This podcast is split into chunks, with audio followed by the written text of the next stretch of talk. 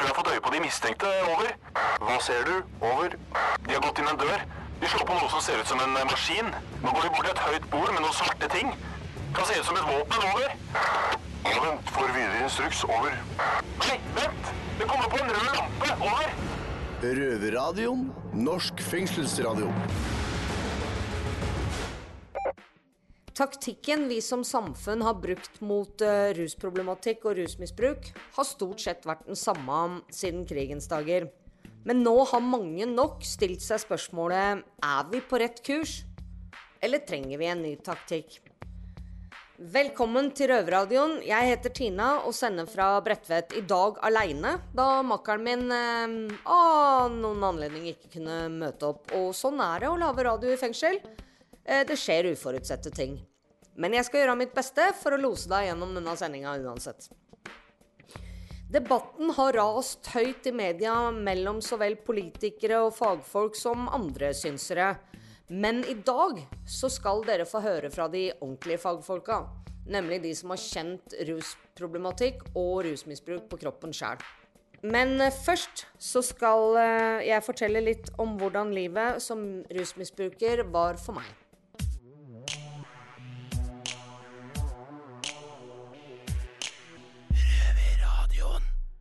Som rusmisbruker, eller i alle fall som heroinist som jeg var, um, fins det to mulige morgener. En god og en dårlig. Som alltid er den første tanken dop. Og på den gode morgenen så er dopet allerede i leiligheten. Du veit at du blir frisk så fort du har mekka et skudd og justert. På den dårlige morgenen så har du derimot ikke noe dop, og da er du nødt til å fikse det. For sånn er det bare. Du er nødt til å bli frisk. Noen ganger så kan fiksinga bestå i bare å ta en telefonsamtale, og det er jo relativt greit, mens andre ganger så kan det være atskillig mer komplisert og desperat. Eh, jeg husker det f.eks. en gang uh, jeg og typen min dro opp på Ullevål, um, hvor vi rana et medisinskap. Um, for å bli friske. Vi blei ferska, og politiet blei tilkalt. Og på veien derfra så var vi omringa av politiet, og likevel, til tross for våpen retta mot oss som, og politimenn som skreik 'slipp sprøytene', så fortsatte vi å dytte i oss flytende morfin for å bli friske. Så er det jo også det at man alltid må være på vakt for politiet, selv om du har erverva penger på lovlig vis da, og bare skal kjøpe deg en justering for å bli frisk så kan du i øyeblikket du kjøper, bli arrestert, og da mister du jo hele friskmeldinga. Så det er um, en kummerlig tilværelse på alle plan. Eh, for noen uker tilbake så fortalte jeg dessuten historien om en kamerat av meg som fikk overdose, hvor vi måtte putte den i en trillebår for å trille den opp til telefonkiosken, av frykt for å ringe politi og ambulanse fordi politiet hadde arrestert oss istedenfor å ta seg av overdoseofre. Så det er uh, den uh, ugly sannheten bak, um, bak ulovligheten av uh, alt. Ja, det var min erfaring fra en spesielt dårlig dag. Naturligvis så kan hverdagen som rusmisbruker oppleves ulikt for ulike mennesker, men det som alltid henger over deg, det er eh, doptanken. Vissheten om at du er nødt til å ha det i lomma for å kunne fungere. Nå skal vi høre om den nye taktikken, og hva rusreformen egentlig innebærer. Nå skal rusavhengige hjelpes, ikke straffes. Ny rusreform vil endre norsk narkotikapolitikk, men det blir dragkamp i Stortinget. God kveld og velkommen til Dagsrevyen fredag. Velkommen til debatten. Men da regjeringen la fram sitt forslag til rusreform, foreslo de ikke bare at tunge rusmisbrukere skulle slippe straff. Alle, alle skal slippe straff. Og det er ikke sikkert det er flertall for det. Regjeringen vil avkriminalisere brukerdoser med narkotika. En seier for de tunge rusmisbrukerne, mener Foreningen for human narkotikapolitikk. Mens helsesykepleierne er bekymret for de unge. Velkommen til ukas siste Dagsnytt 18 i NRK1 og NRK P2. Jeg heter Sigrid Sol. Altså, eh, Kommer avkriminalisering til å føre til mer eller mindre narkotikabruk i Norge, tror du? Nei, Det kommer ikke til å ha noen betydning på den samla bruken av narkotika. Det er alt kunnskap som vi har på dette området. Tilsier det at straff og straffenivå har ikke betydning for, eh, for det, men det det kommer. Her er NRK Dagsnytt klokka 20. Senterpartiet vil skrote hele rusreformen. Det skriver VG. Stortingsrepresentant Jan Bøhler og Senterpartiet mener dette er en gavepakke til kriminelle gjenger. Hei, det er den utslupne røver Simen her. Jeg har fulgt rusreformen og debatten rundt den tett de siste årene, og ledet røverdebatt om tematikken for tre år siden, kort tid etter at utvalget ble satt ned. Rusreformen er Bent Høies hjertebarn. Etter å ha vært forkjemper for straffepolitikken i alle år, skiftet han mening i 2016 og jobbet for en endring som etter hvert ble til en nedsetting av Rusreformutvalget. Utvalget besto av tolv medlemmer, hovedsakelig av folk fra behandlingsapparatet, men også jurister, akademikere innen helse og kriminologi, to brukerrepresentanter og én fra politiet. Målet var å lage et forslag til en ny ruspolitikk, hvor små mengder narkotika til eget bruk ikke lenger skal kunne straffes med bøter eller fengsel, men med obligatorisk helseoppfølging. Utvalget har utarbeidet en over 400 siders rapport, der de har vurdert forskning og erfaringer fra land som har reformert ruslovgivningen sin med særlig fokus på Portugal. De har kommet fram til at det ikke er grunnlag for å tro at en avkriminalisering vil føre til nevneverdig økt bruk. Som norsk juss sin nestor Johs Andenes sa, vi må huske at straff er et tilsiktet onde, og det skal gode begrunnelser til for å straffe. Og han sa narkotikapolitikken er tidenes feilinvestering i straff. En avkriminalisering ble foreslått av Straffelovskommisjonen allerede i 2002. Utvalget har merket seg at straffepolitikken rammer skjevt. Ungdommen på vestkanten bruker mest, de på østkanten straffes mest.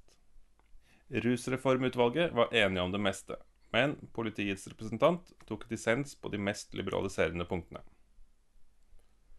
Hvis reformen går gjennom, vil politiet kunne beslaglegge det du har på deg til eget bruk, og sende deg til et møte med en kommunal tjeneste for å lekses opp i farene ved narkotikabruk og tilby deg hjelp med rusproblemene dine, om du har det.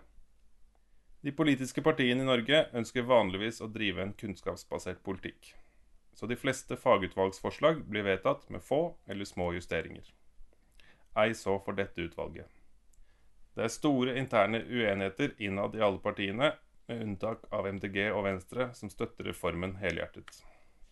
En gang tok en jente en heroinoverdose hjemme hos meg. Jeg hadde ikke lyst på besøk fra onkel Blå, så istedenfor å ringe ambulansen, hjalp jeg henne med å puste ved å dytte inn brystkassen hennes i lang tid.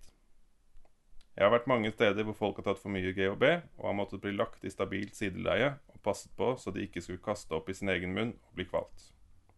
Det å fjerne straffetrusselen vil kunne gjøre det lettere, mye lettere, å be om hjelp ved overdoser. Det kan også bli lettere for ungdom og voksne å oppsøke behandlingsapparatet hvis de ikke heftes med straff og rettighetstap.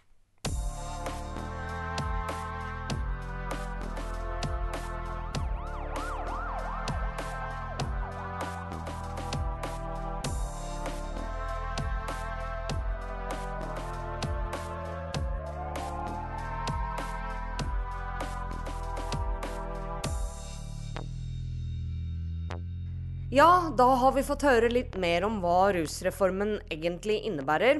Men nå så skal vi få høre litt hva folk, fagmiljø, altså, på utsida har debattert rundt dette her. Hva er egentlig de viktigste argumentene? Jeg heter Anna Sabina Sordsjo. Jeg er utdanna sosionom og tar en doktorgrad der jeg prøver å finne ut av hvordan man skal hjelpe ungdom som trøbler. Jeg støtter rusreformen fordi vi veit at straff skader.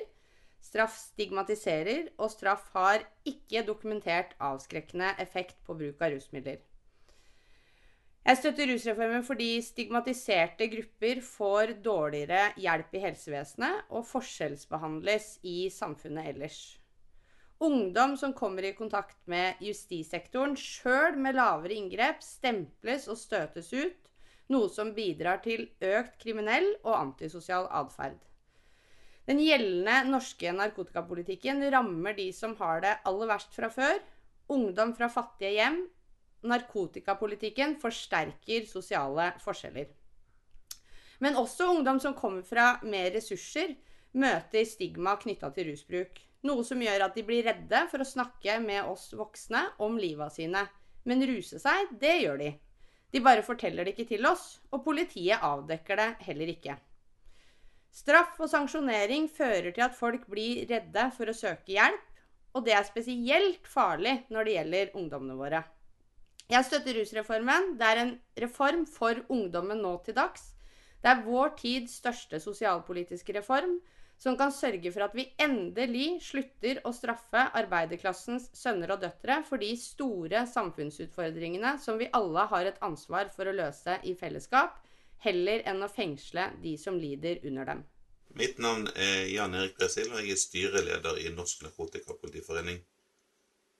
Vi er en ideell forening som eh, ikke representerer politiet, men som har medlemmer, rundt 3600 stykker, i forskjellige funksjoner. Alt fra de som jobber på gata, til etterforskere, forebyggere, jurister, ledere, og også fra andre etater.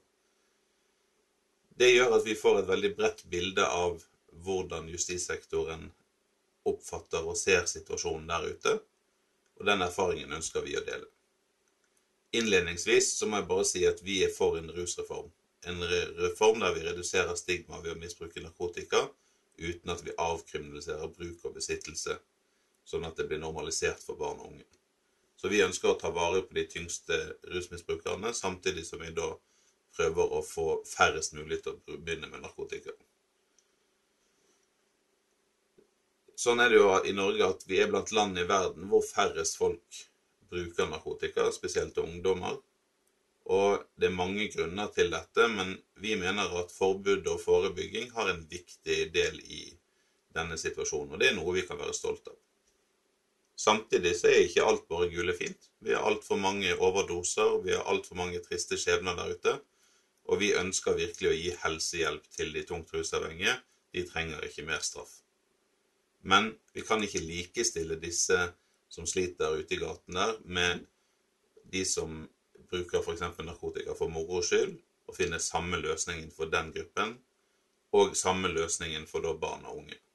Derfor er vi imot en full avkriminalisering for alle, og vi ønsker en differensiert modell. For at politiet skal kunne gjøre sin jobb som avdekker, og det er det jo bred enighet om at vi skal gjøre, så er vi avhengig av en verktøykasse. Det vil få store konsekvenser om vi mister den. Det vil si at vi f.eks. må kunne ransake og finne ut hvem er det som har solgt til en person. Vi må kunne avklare om det er en selger eller en kjøper man står med. Det er vanskelige situasjoner som ikke alltid er så lett å avgjøre umiddelbart, og da trenger vi disse verktøyene. De gjør at vi da finner flere ungdommer og kan levere de inn i hjelpeapparatet. I dag leveres de gjerne inn til barnevernet og inn i påtalereaksjoner som f.eks. ruskontrakter, hvor man får forpliktende oppfølging og hjelp fra kommunen, f.eks. fra helsesykepleiere. Eh, men så trenger vi også disse verktøyene for å avdekke altså organisert kriminalitet og de som står bak. Så mister vi disse verktøyene i en reform, så tror vi at det vil føre til økt bruk, og at det vil bli større spillerom for organiserte kriminelle. Ikke minst så tror vi at det kommer til å bli færre som blir funnet der ute, og det er ikke samfunnet tjent med. Vi er tjent med at vi kan komme inn så tidlig som mulig, spesielt for barn og unge.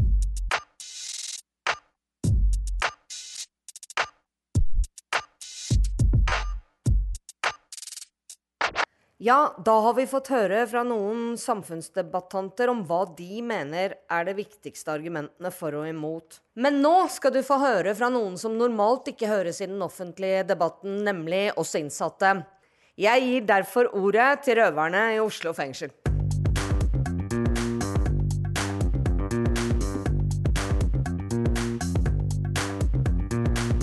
Kristian her, sitter sammen med Mali. Yes, hei. Hallo. Vi snakker om uh, rusreform. Ja.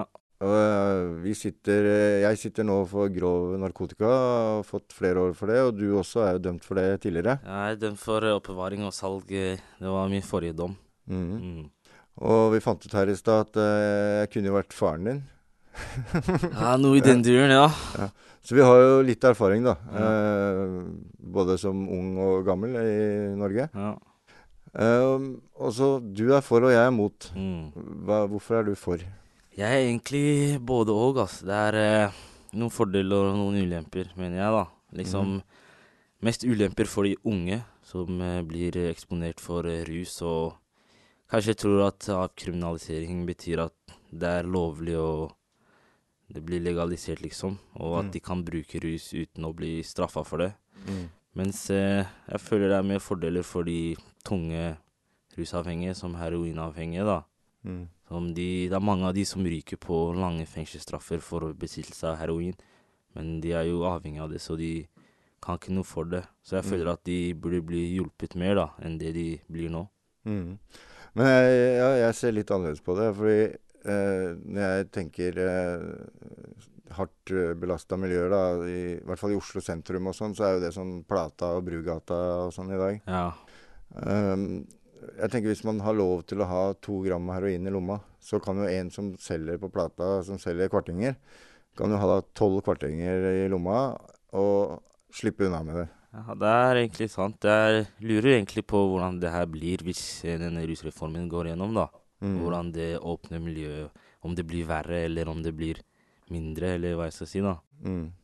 Men eh, det, det er sikkert eh, noe positivt, og så er det sikkert eh, mye negativt òg.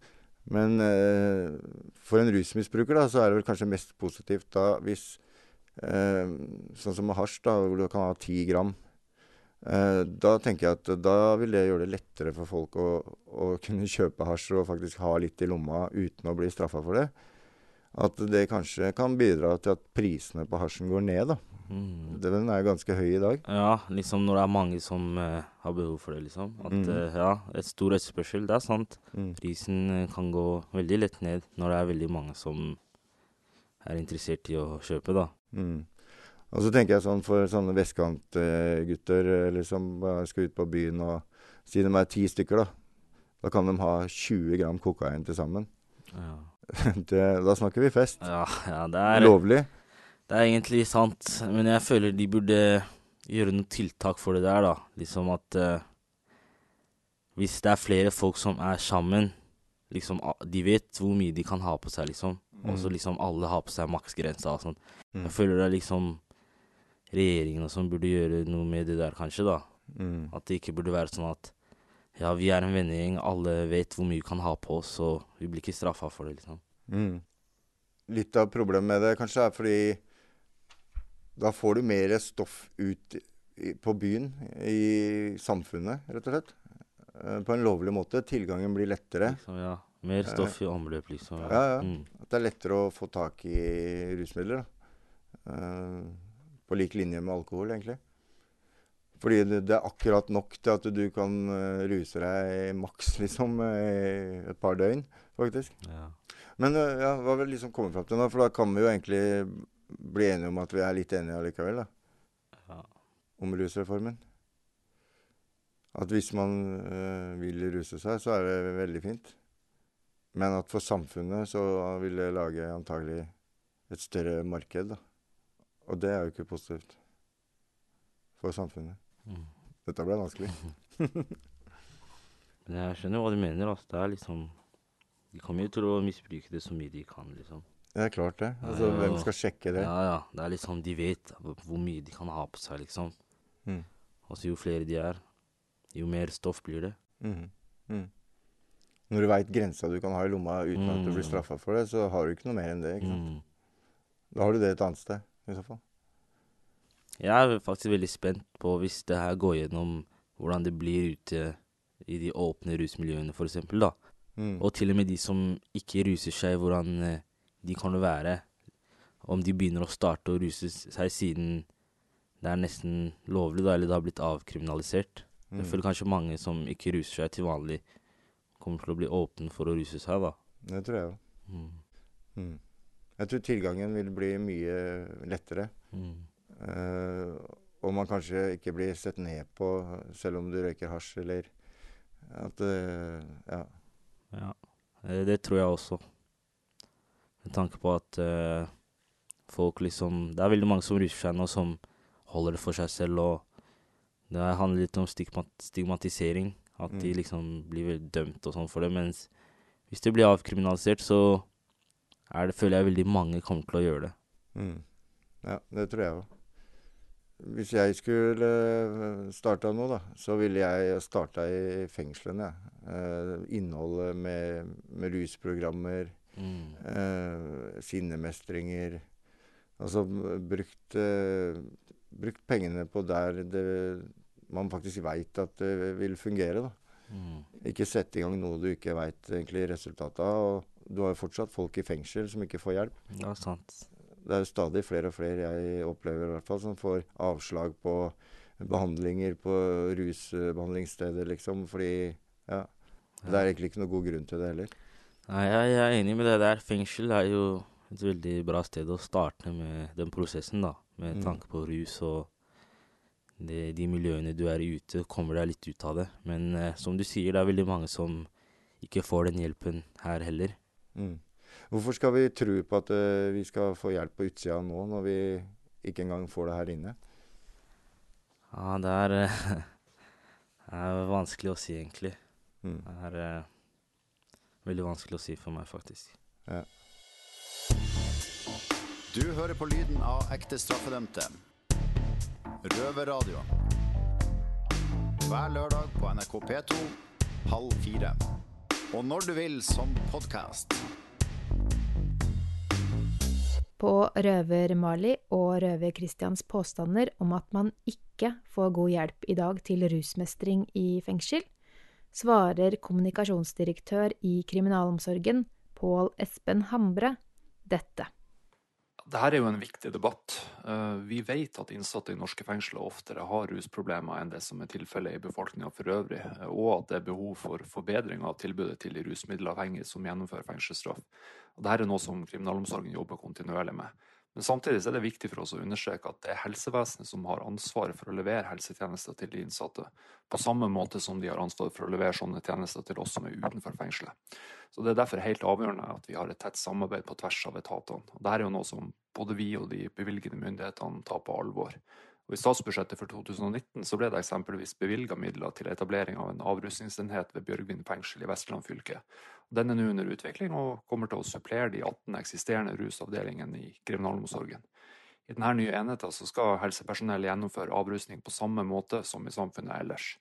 Vi tenker jo at eh, et bedre avrusningstilbud i fengsel vil kunne motivere innsatte til å søke videre behandling, og også bidra til at innsatte i større grad kan leve et liv uten tilbakefall til rus og kriminalitet etter endt straffegjennomføring.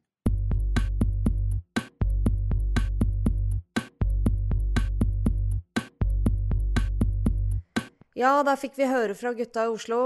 Eh, Her står jeg aleine på Bredtvet og syns det er vanskelig å ikke ha mm, noe makker å mm, drøfte tankene mine med, men jeg skal prøve allikevel å tenke litt høyt rundt eh, saken. Eh, gutta var urolig for mm, primært to saker, hørte jeg, og det var eh, at det skulle bli lettere, at terskelen for å pushe kanskje blei lavere, samtidig som terskelen for å gå inn i et stoffmisbruk også kanskje blei lavere. Jeg veit ikke om noen av de tinga stemmer. Jeg tror vel at terskelen kommer til å ligge der han ligger uansett, og at stoff er et problem og så tilgjengelig så vel på internett som i det fysiske samfunnet at, at det er ikke det egentlig spørsmålet burde dreie seg om. Snarere hva det koster samfunnet, så vel økonomisk som i menneskelig lidelse, å ha aktive stoffmisbrukere som skal straffeforfølges og oppbevares på institusjoner i mange år. Eller om de penga bedre kan brukes til behandling og til å Ja, til å ta vare på folk. Og jeg er jo sikker på at det siste her er bedre bruk av penger enn en det første. For eh, og i den mottagende enden av det å vært eh, Jeg, jeg Sjøl begynte jeg å ruse meg allerede som åtteåring omtrent, hvor jeg tømte skvetter som sto igjen på bordet hjemme etter fester, og mm, brukte ulovlige stoffer fra 13-14 års alder. Og hva jeg har kosta samfunnet, rent økonomisk, det tør jeg ikke engang å tenke på, faktisk. Og hva det har kosta meg personlig og dem som har stått meg nær, det er også heller ikke til å måle i penger.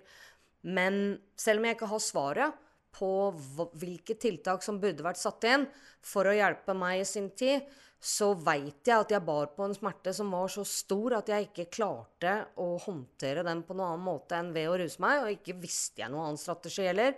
Men hadde jeg fått hjelp på et tidligere tidspunkt, så kunne, kunne jeg kanskje vært i en annen sits på et tidligere tidspunkt enn det jeg nå er. For nå, etter mange års aktivt misbruk av så vel amfetamin som heroin, så er jeg nå stofffri.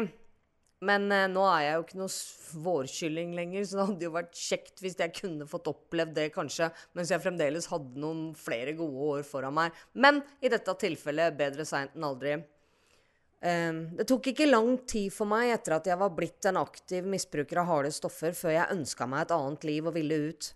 Når du er på den uh, motorveien og titter nedover, så ser du jo veldig kjapt og veldig klart at det er ikke noe happy ending på det livet der. Det er stort sett bare to utveier. Død eller fengsel, og ingen med vett i behold har jo lyst til å ha noen av de utveiene der. Det fins ingen samfunnsstrategi som er perfekt nok til at ingen faller utpå. Men jeg kan i alle fall ønske meg et samfunn hvor vi har en strategi der flere blir eh, dratt tilbake inn i samfunnet igjen. Som jeg fortalte om eh, episoden på Ullevål i stad, så er det jo ikke med lett hjerte man drar opp på et sjukehus og stjeler medisiner i skapet og blir fulgt av politi med dratte våpen og fortsetter å dytte i seg stoff. Det er liksom en tilværelse som eh, svært få ønsker seg, og de fleste absolutt vil bort fra. Men uansett så, så håper jeg at nytenk og en rusreform kan komme folk til gode som helt klart trenger hjelp.